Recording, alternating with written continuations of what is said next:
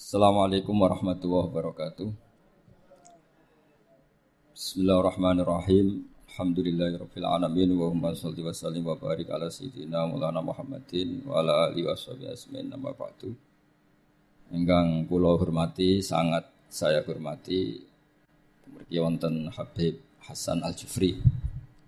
Wonten Gus kawula putrane guru kawula Kiai Haji Yasin wonten Ketua MUI Jawa Tengah Kiai Haji Ahmad Daroji, wonten Wakil Sangking Kemenak, Keng Biro Hukum Pemprov Jawa Tengah yang saya hormati, semua yang saya hormati.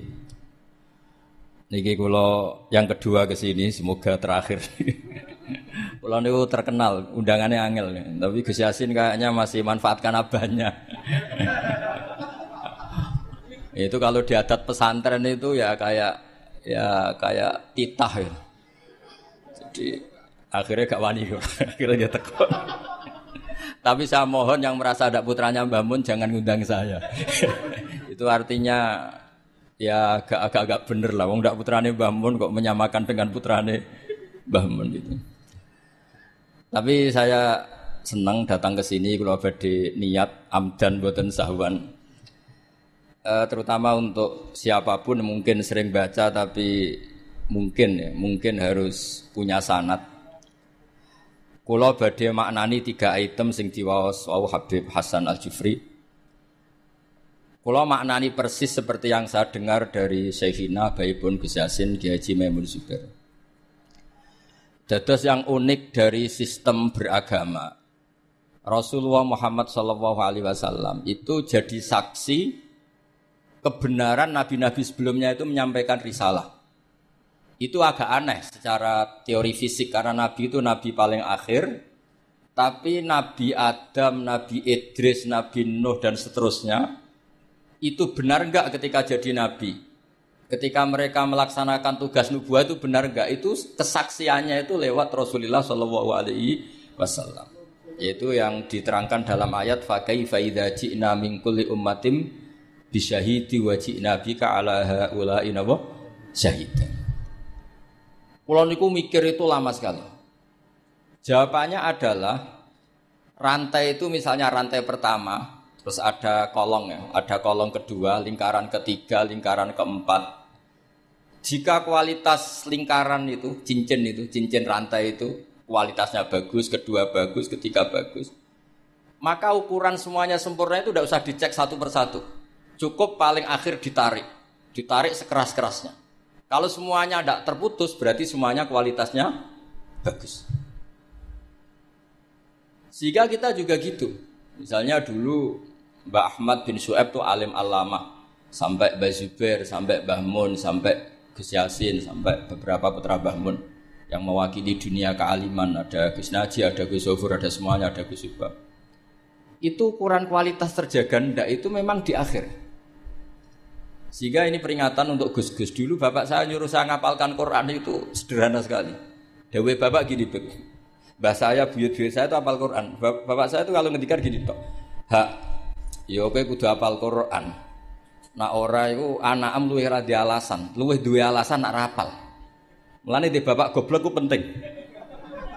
Di bapak goblok itu penting sekali karena ini menjustifikasi anaknya kalau goblok niru bapaknya. Artinya gini, mbah saya hafal Quran misalnya, bapak saya hafal Quran. Sekali saya ada hafal, itu anak saya bisa syukuran. Karena kalau ada hafal, anut bapak eh. Jadi ya, ya seperti itu. Tapi sekali saya masih hafal, anak saya ini ya kebingungan anak apa loh, pulau hafal. Buatan ini buatan nyindir, ini ngamuk. Kersane orang itu harus mikir. Kadang-kadang enggak. Orang saya naik maksa anak apal Quran alim, tapi dia sendiri tidak alim, tidak hafal Quran. Anaknya ini kan alasannya apa? Coba anda memaksa, anda sendiri tidak jadi percontohan. Sehingga tradisi nubuah ya seperti itu. Nabi Adam jadi nabi sukses melaksanakan tablignya Nabi Idris, Nabi Nuh dan seterusnya. Sebetulnya itu sebagai bukti bahwa mereka melaksanakan perintahnya Allah secara benar. Ujiannya apa? Di Rasulullah Muhammad Shallallahu Alaihi Wasallam ketika ditarik semuanya kuat berarti semuanya melaksanakan amanah secara apa benar. Nah, kita dalam sana juga seperti itu. Kalau ditarik kok misalnya cincin ke-8 atau ke-9 itu putus, berarti ya salahnya di situ. Yang lainnya sudah kuat, salahnya di situ itu dibuang. Kemudian cincin berikutnya dicatokkan sama yang sama-sama kuat. Makanya disebut sanat mengkotek. Nah ini saya mau cerita tentang cara Mbah Mun maknani bahwa Rasulullah Shallallahu Alaihi Wasallam itu disebut Nabi Sayyidul Awalin. Jadi pemimpin Nabi mulai zaman dulu. Tapi sekaligus Sayyidul Akhirin. Jadi Nabi punya dua sisi. Secara maknawi itu Nabi awal sebelum ada Nabi Adam. Tapi secara fisik, secara lahir Nabi itu Nabi akhir apa? Zaman. Ini saya maknani persis ketika Mbah Mun maknani. Mungkin kalau sama tidak cocok boleh komplain. Wah dulu Mbah Mun tidak gitu. Kamu kok tahu? Saya kan kurang dengar sehingga kayaknya tidak gitu. Jadi itu tolong kalau yang tidak akurat jangan bantah. Karena apa ya? Gak meyakinkan, sama itu gak meyakinkan. Cara sanatnya itu tidak meyakinkan. Saya baca ya. Ketika Allah Taala ngendikan hanya tiga santai saja, tidak sampai jam 10 selesai, nggak sampai, tak jamin nggak sampai ketika Allah ngendikan bahwa ini nabiku Sayyidul Ambiya wa Ajalul Asfiya wa Akramul Habaib. Terus ada malaikat tanya, "Kila den dawuhno, apa ngene?" Huwa Adam. Huwa itu membuang hamzah istifham, kira-kira malaikat itu tanya, "Ahwa Adam?" Apakah nur yang begitu sempurna, cahaya yang begitu sempurna yang engkau pasang di aras ala qawaimil arsy, apakah itu Adam? Terus kola dawu sapa Allah Taala. Jadi Adamu di sini bukan failnya kola, tapi jadi muktada. Jadi jawabnya kola dawu sapa Allah Taala dawe Adamu bihi uniluhu alal marotib. Jadi Adamu utai Nabi Adam bi sebab hadan nur yaitu Rasulullah Muhammad sallallahu alaihi wasallam unilu ngekei ingsun hu ing Adam alal marotibi ing dhuwur-dhuwure derajat. Jadi Kata Adam di sini bukan failnya kola, tapi kola jawab sopo Allah. Jawab Adamu bihi uniluhu a'lal marotib. Itu bukan Adam. Justru Adam itu tertolong oleh nur itu. Gara-gara nur itu Adam memperoleh a'lal marotib. Nah, ini itu Bib Hasan. Malaikatnya agak kipu. Jawab pertama sudah salah diulang lagi. Kila huwan nuh. Gampil loh Gusti. Nak Adam berarti ini kuno. Wis keliru cek ngoyel. Ini ini malaikat. Jadi ngeyel itu ya sanate karena malaikat dulu. Tapi buatan malaikat kata Jibril Mikael ini awamul malaikat. Jadi malaikat itu ada dua, ada awamul malaikat. Itu ya kadang rodok berengkel ya, karena enggak malaikat papan atas. Nah malaikat yang ini yang ngendikan atas alufia mayusidu fiya wasfikut dima. Ini malaikat yang komplain ketika manusia jadi khalifah fil Bukan akabirul malaikah kayak Jibril dan Mikael. Maka perlu dicatat malaikat itu ya ada dua kelas, ada kelas akabirul malaikat. Ini tidak pernah komplain, tidak pernah apa, semua perilakunya benar. Ada malaikat awamul malaikat. Ini ya rontok-rontok kadang berengkel. Ya rontok tapi tidak sampai maksiat buat tapi ya rontok-rontok berengkel. Makanya protes atas alufiha mayusidu fiha wasfikut Gusti, coba keputusan engkau evaluasi lah. Masa Adam mimpin manusia? Itu nanti anak turunnya kan ya bikin kerusakan di bumi, tolonglah dievaluasi lagi. Mau pangeran itu kon apa? Mau gubernur itu evaluasi tersinggung. Ya ini pangeran di kon apa? Ngevaluasi. Lah ini awamul malaikah, bukan Jibril, bukan Mikail. Ya bukan Israel. Terus kila huwa nuhun. Tadi kan malaikat jawab Adam itu salah, masih diulang lagi. Kalau ada Adam ya berarti itu Nuh. Terus sekolah jawab sapa Allah, Nuhun itu Nabi Nuh bihi bihadan nur iku yanju minal gharq. Justru Nuh itu karena jasanya Nur Muhammad terbebas atau terselamatkan dari badai banjir. Yanju bihi minal gharqi wa yahliku man khalafahu minal ahli wal aqar. Terus kila, ini masih ngotot lagi, jawab dua kali salah, masih nebak lagi. Kila huwa Ibrahim. Kalau Adam nggak benar, roh nggak benar, ya Nur itu berarti Ibrahim. Cara kula sing dadi malaikat iku jawab pertama salah pun Gusti niku sinten. Lah ini kibotan jawab salah aja nebak mah. Ya kalau ndak Adam ya Nuh. Keliru lagi ya kalau enggak Nuh ya Ibrahim. Ini ya rontok rontok aneh malaikat nih. Kila didhawuhna apa ngene, huwa te hadan nur iku Ibrahimu Ibrahim.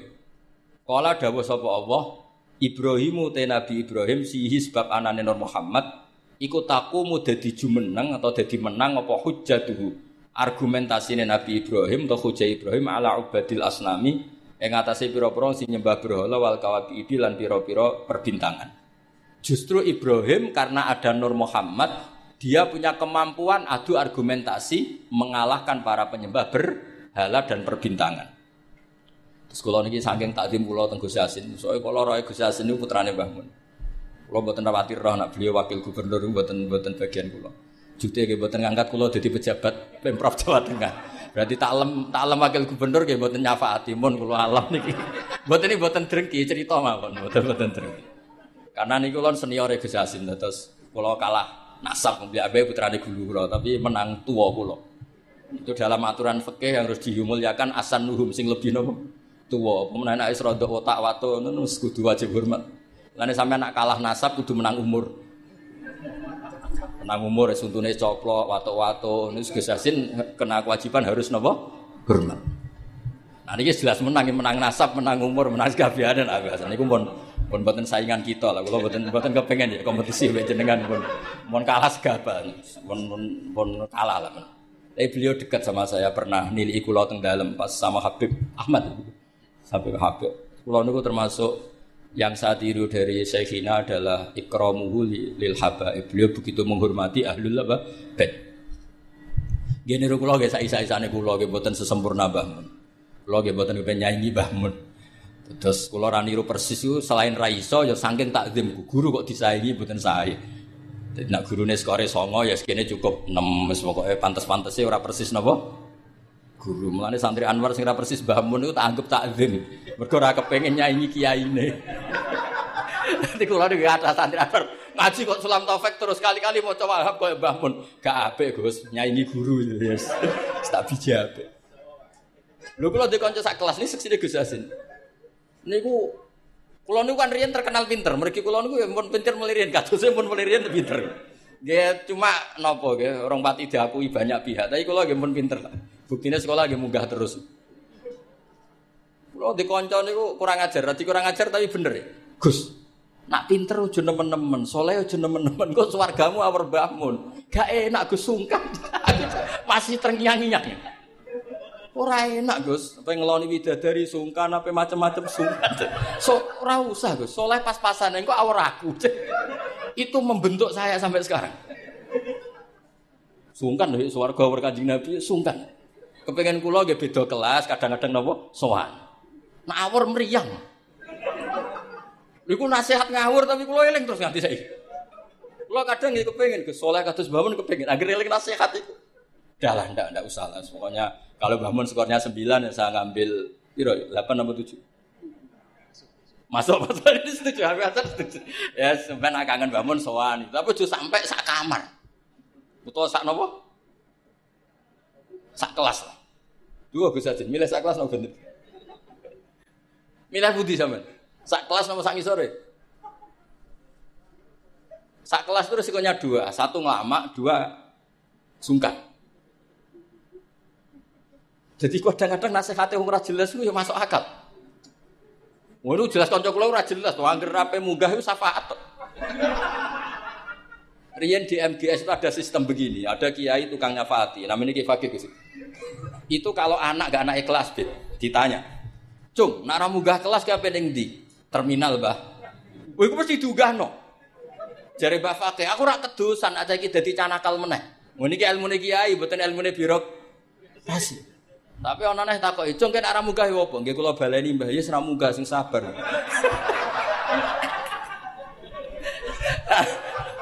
Karena berita itu bocor secara masif, dulu belum ada WA, Gus. Tapi masyhur, Gus. Itu agar ramunggah ya, engkau nak ditakut ibu fakir menin terminal. Oh itu sudah akhirnya sak kelas munggah kabeh. Jadi APU ya kadang dimanfaatkan wong macam-macam. Jadi dan ini betulnya dan sistem itu sudah hilang, sistem nopo syafaat. Jadi ya kiai kuno ya aneh-aneh sih madzhab Jadi daripada yang terminal aku kedusan, jadi canakal meneh. Akhirnya diunggah no. Ya rada masuk akal kula badan ramno niku sih kapan-kapan gitu. Ilmu kula niku kathah mergi guru kula kathah. Jadi kadang-kadang ilmu niku yo Bapak kula niku di pondok rapati kakan pelaturan. Jadi bapak kula kiai iku bengkel. Nara siap noto bocah bulat ya rasa jadi kiai. Mosok bengkel sing moro-rono mobil mewah, mobil waras, mesti sing rodok rusak. Ya kiai madzhabe macam-macam. Ya ana sing madzhab protektif, lah santri nakal-nakal iki pondok apa sarang.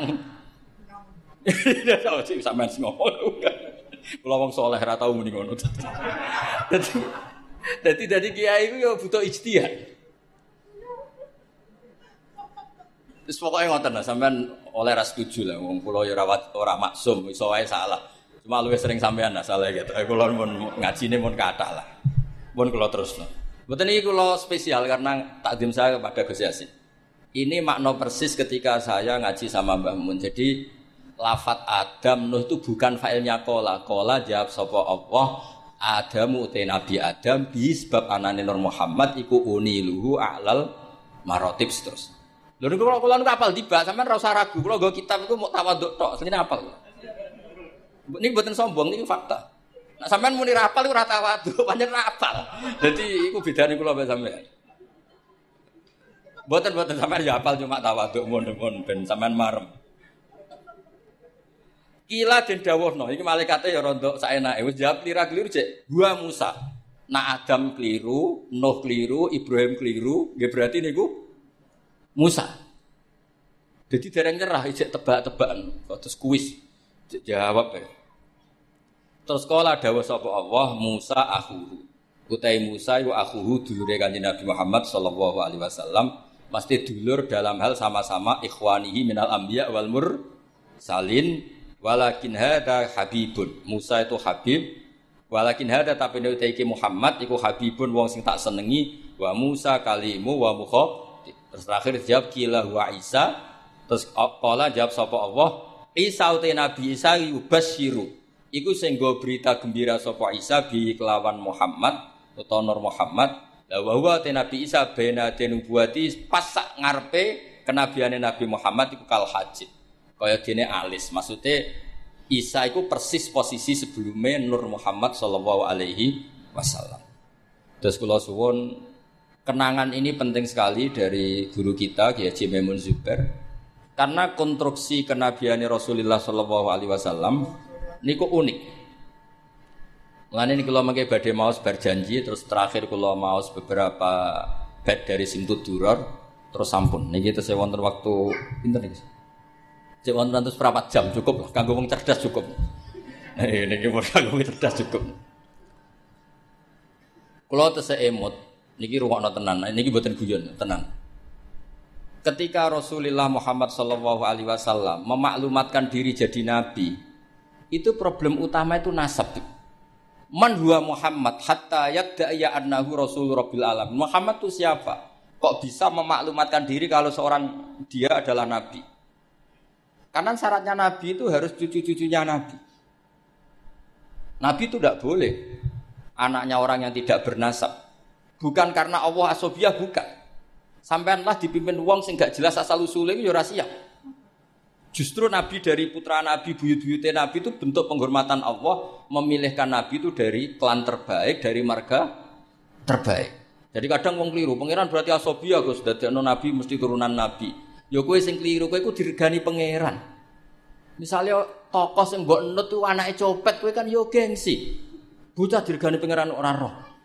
Akhirnya sadar, iya apa ngono banyak. Jadi Nabi itu harus turunan. Nabi ini bukan berarti Allah itu asobia, justru Allah membuat penghormatan, memberi penghormatan pada kita. Bahwa orang yang kita ikuti turunannya orang baik, turunannya orang baik, turunannya orang baik. Orang spesial dari turunan spesial, dari turunan spesial. Makanya keyakinannya ahli sunnah wal jamaah, bapak ibunya Nabi fil jannah. Semuanya fil jannah wa kaifala wa sayyidul akramu sallallahu alaihi wasallam wa sitatuhul mun taqwa. Nabi itu orang suci, masa lewat rahim yang najis. Jadi kalau suci ya lewat jalur su suci supaya Nabi tidak terpapar apa? najis. Makanya kita berpendapat nasyabun tahsibul ula bihulahu qallatat hanujumahal jauza habada ikdu sutati wa fakhari anta fihil yatimatul asma. Jadi babanya Nabi itu spesial. Nah, tapi ketika Nabi itu munculnya di Mekah, di mana saat itu adalah komunitas jahiliyah, Itu orang-orang Yasrib. Yasrib itu suatu saat nanti jadi Medina. Itu banyak yang ahli kitab. Itu mereka tanya, man huwa Muhammad? Muhammad itu siapa? Kenapa dia ngaku nabi? Turunannya siapa? Karena indukan turunan nabi itu ada di Israel, ada di Palestina. Ada di Yerusalem lah, pokoknya bangsa itu lah. Aku muni Israel, Israel itu negara nggak diakui kita. Muni Palestina nih Quran rano bahasa Palestina, bingung ngadepi wong hasud tuh. Tapi rasa dihadapi Barno ya. Israel lah bahasa resminya zaman itu Israel. Akhirnya Allah menjelaskan fihi ayat ayinatum maqamu Ibrahim. Makanya ada Mbah Mun geman ninggal tiba ninggal berjanji. Meskipun beliau juga tidak pernah meninggalkan simtud duror. Akhirnya diterangkan oleh Said berjanji. Wa ba'du fa'akul huwa Muhammad bin Abdullah bin Abdul Muttalib biwasmu Sayyidatul Hamdi Khumitat Khisaluhu Saniyah. Mau niki kalau jelas ramoco nih, buatan kok niat ngetokno apal, jangan kula apal tenan. Ya paling kan apa sapal ya apa, enggak masalah ya lali lang jerimen Jadi ditunjukkan bahwa Muhammad adalah turunan Nabi Ibrahim itu ada jejak Ibrahim di situ. Fihi ayatum bayinatum maqamu Ibrahim. Akhirnya, lah lalu buktinya apa kalau Muhammad turunan Ibrahim? Karena Ibrahim pernah hidup di Mekah. Dan ketika Nabi Ibrahim hidup Ibrahim tidak mengendikan waladi. Kalau beliau menghentikan waladi, maka bisa saja anak turun Ismail tidak lagi di Mekah tapi kembali ke Palestina. Maka beliau menghentikan duri yadi. Akhirnya dibuktikan secara artefak sejarah. Di situ ada sofa, ada marwah. Yaitu dua gunung yang ketika itu Hajar kesulitan nyari air untuk minumnya siapa? Ismail. Ada sekian bukti artefak bahwa Ibrahim punya anak Ismail dan ditempatkan di Mekah. Indah Baitikal Muharram. Maka ketika itu diungkapkan oleh Quran orang Yahudi tercengang dan banyak yang masuk Islam. Karena sekarang Muhammad sudah memenuhi kriteria seorang nabi. Amanah sudah, tabligh sudah, sidik semuanya sudah, termasuk asal usul nasabnya. Nah, karena pentingnya asal usul nasab ini, Sayyid berjanji di antara memulai mukadimahnya dengan wabak fa'akul huwa Muhammad bin Abdullah bin Abdul Muttalibi wasmuhu syaibatul hamdi khumidat khisaluhus Sania terus diteruskan sampai wa adnanu bila bin intadzawil ulumin nasabiyah ila dzabihi ismaila nisbatu wa mun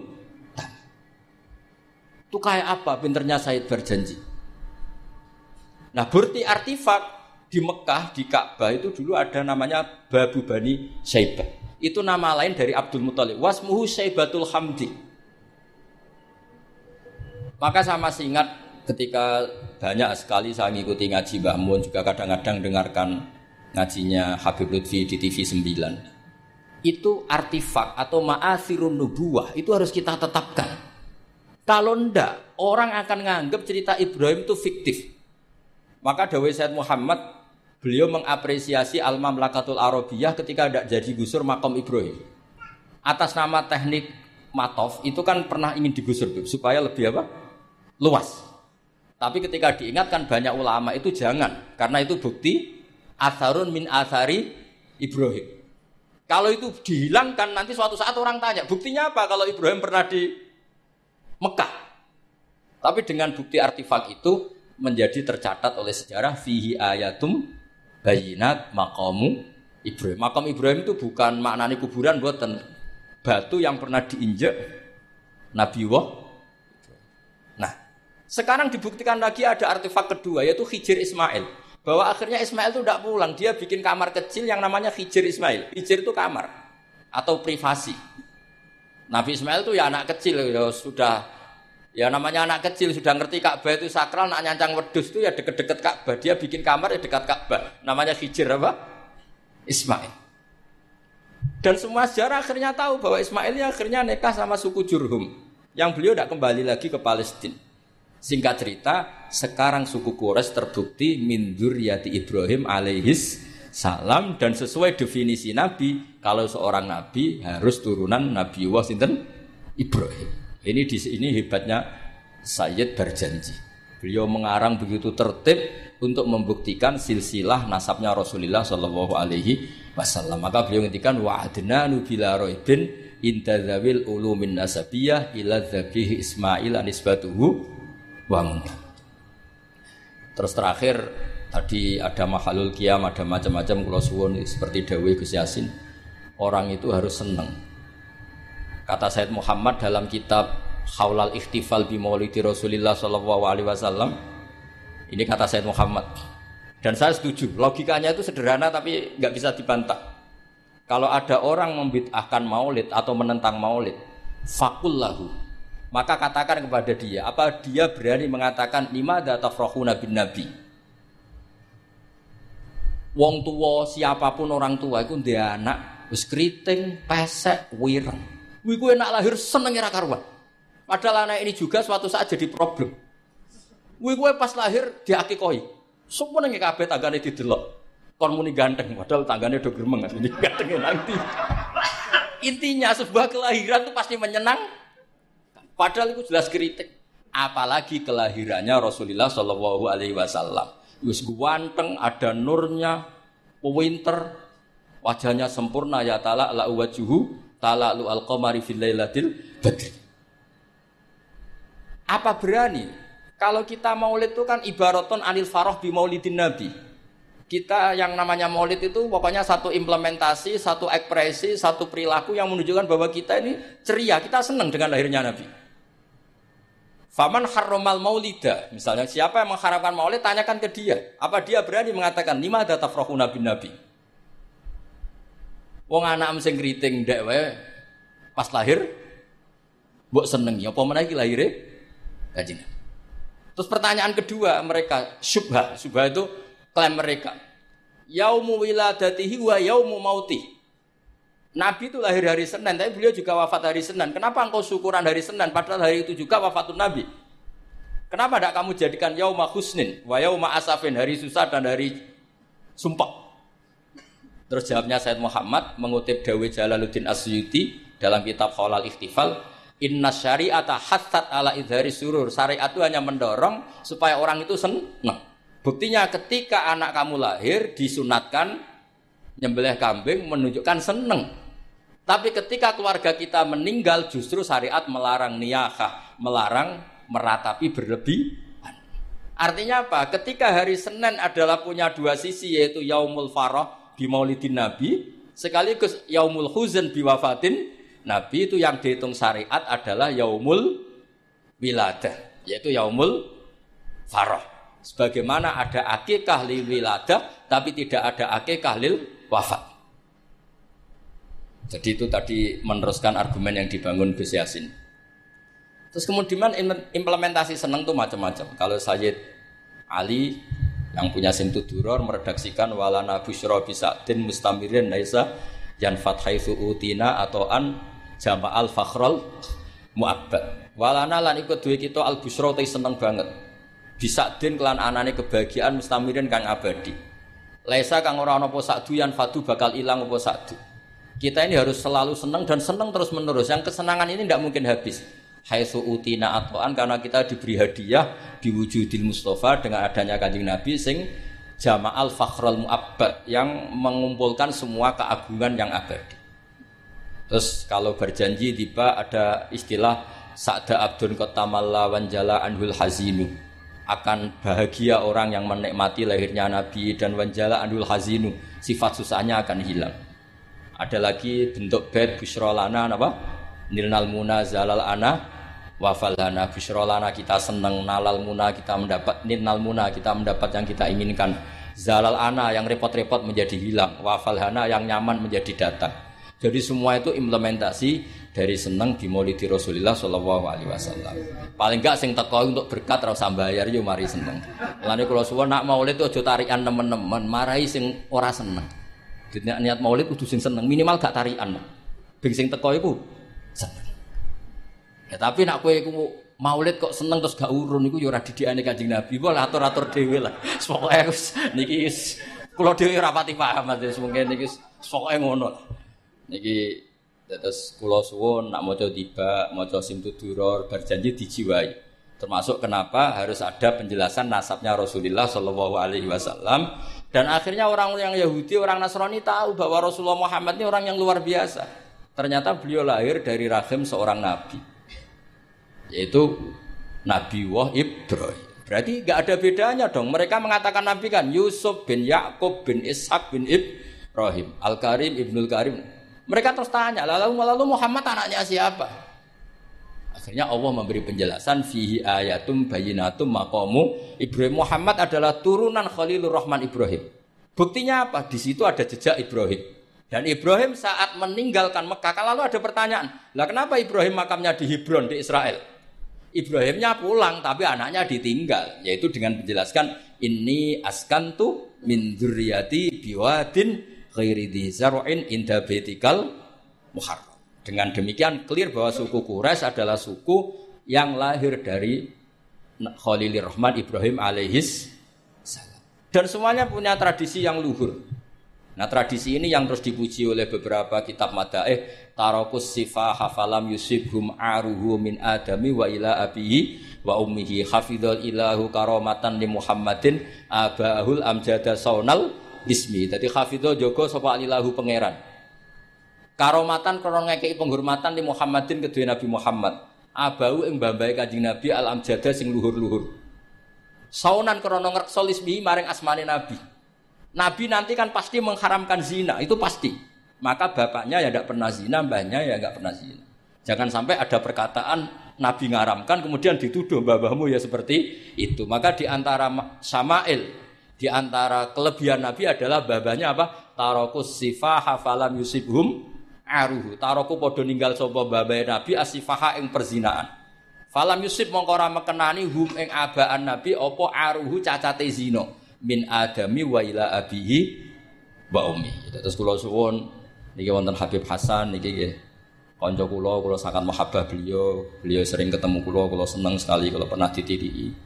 Tapi nak ngundang nu dinego karena kula niki kula niku kan pondok kula niku pondok Quran ini perlu dimaklumi. Pondok Quran itu benten ya. Kalau pondok kitab itu anak 100 diujar sekali bisa, Bu. Jadi kalau pondok Quran 5 saja bingung no. Mergo story sitok sitok ya ono sing lanyah setengah lanyah setengah macam-macam nah, saya mana percaya jajal setor kulo enggak terus gak hatam-hatam sampai kiai ini bingung fam bajasat fanjo bareng wae alimun hakim. Kiai ini lagi alim hakimun alim. Boten mbah niki kira kiai ini dibantah. Kono alimun hakim ono sing hakimun. Mana zaman kulo riyen setor falamma dzahabu bisalah digenti wawu. Walam madzabu bingkur surat Yusuf ana falamma ana napa Yang sampean Yasin wae in kana la sahatu wahidatan fa idhum khamidun barang wis fa idhum jamil ladina turun balik fa idhum khamidun jare sing ngaji wah gak barbar balik ning ngarep. Lagi Yasin wae ngono apa Quran. Kadang dase watin gurine wa tawasobil haqqi wa tawasobil sabr. Wong dase watin kok ilal ladzina amanu wa amilus solihat wa tawasobil Iku malaikat Jibril le bingung ngadepi. Iki piye ngarepe wat ini kok gurine wal asli. Nak politik kombinasi nasionalis religius dan iki Quran. Nah, terus, nah, terus itu Beb, yang menjadikan saya tidak mudah menerima undangan kecuali pernah sepuh keluarga guru karena iktidar lah saya ini memang pondok saya warisan dari bapak itu pondok Quran jadi ya masyhul memang benar-benar saya ini sibuk Untungnya agak diangkat pakai Pemprov Gus Yasin tadi, makanya. Ya ngotot Assalamualaikum warahmatullahi wabarakatuh.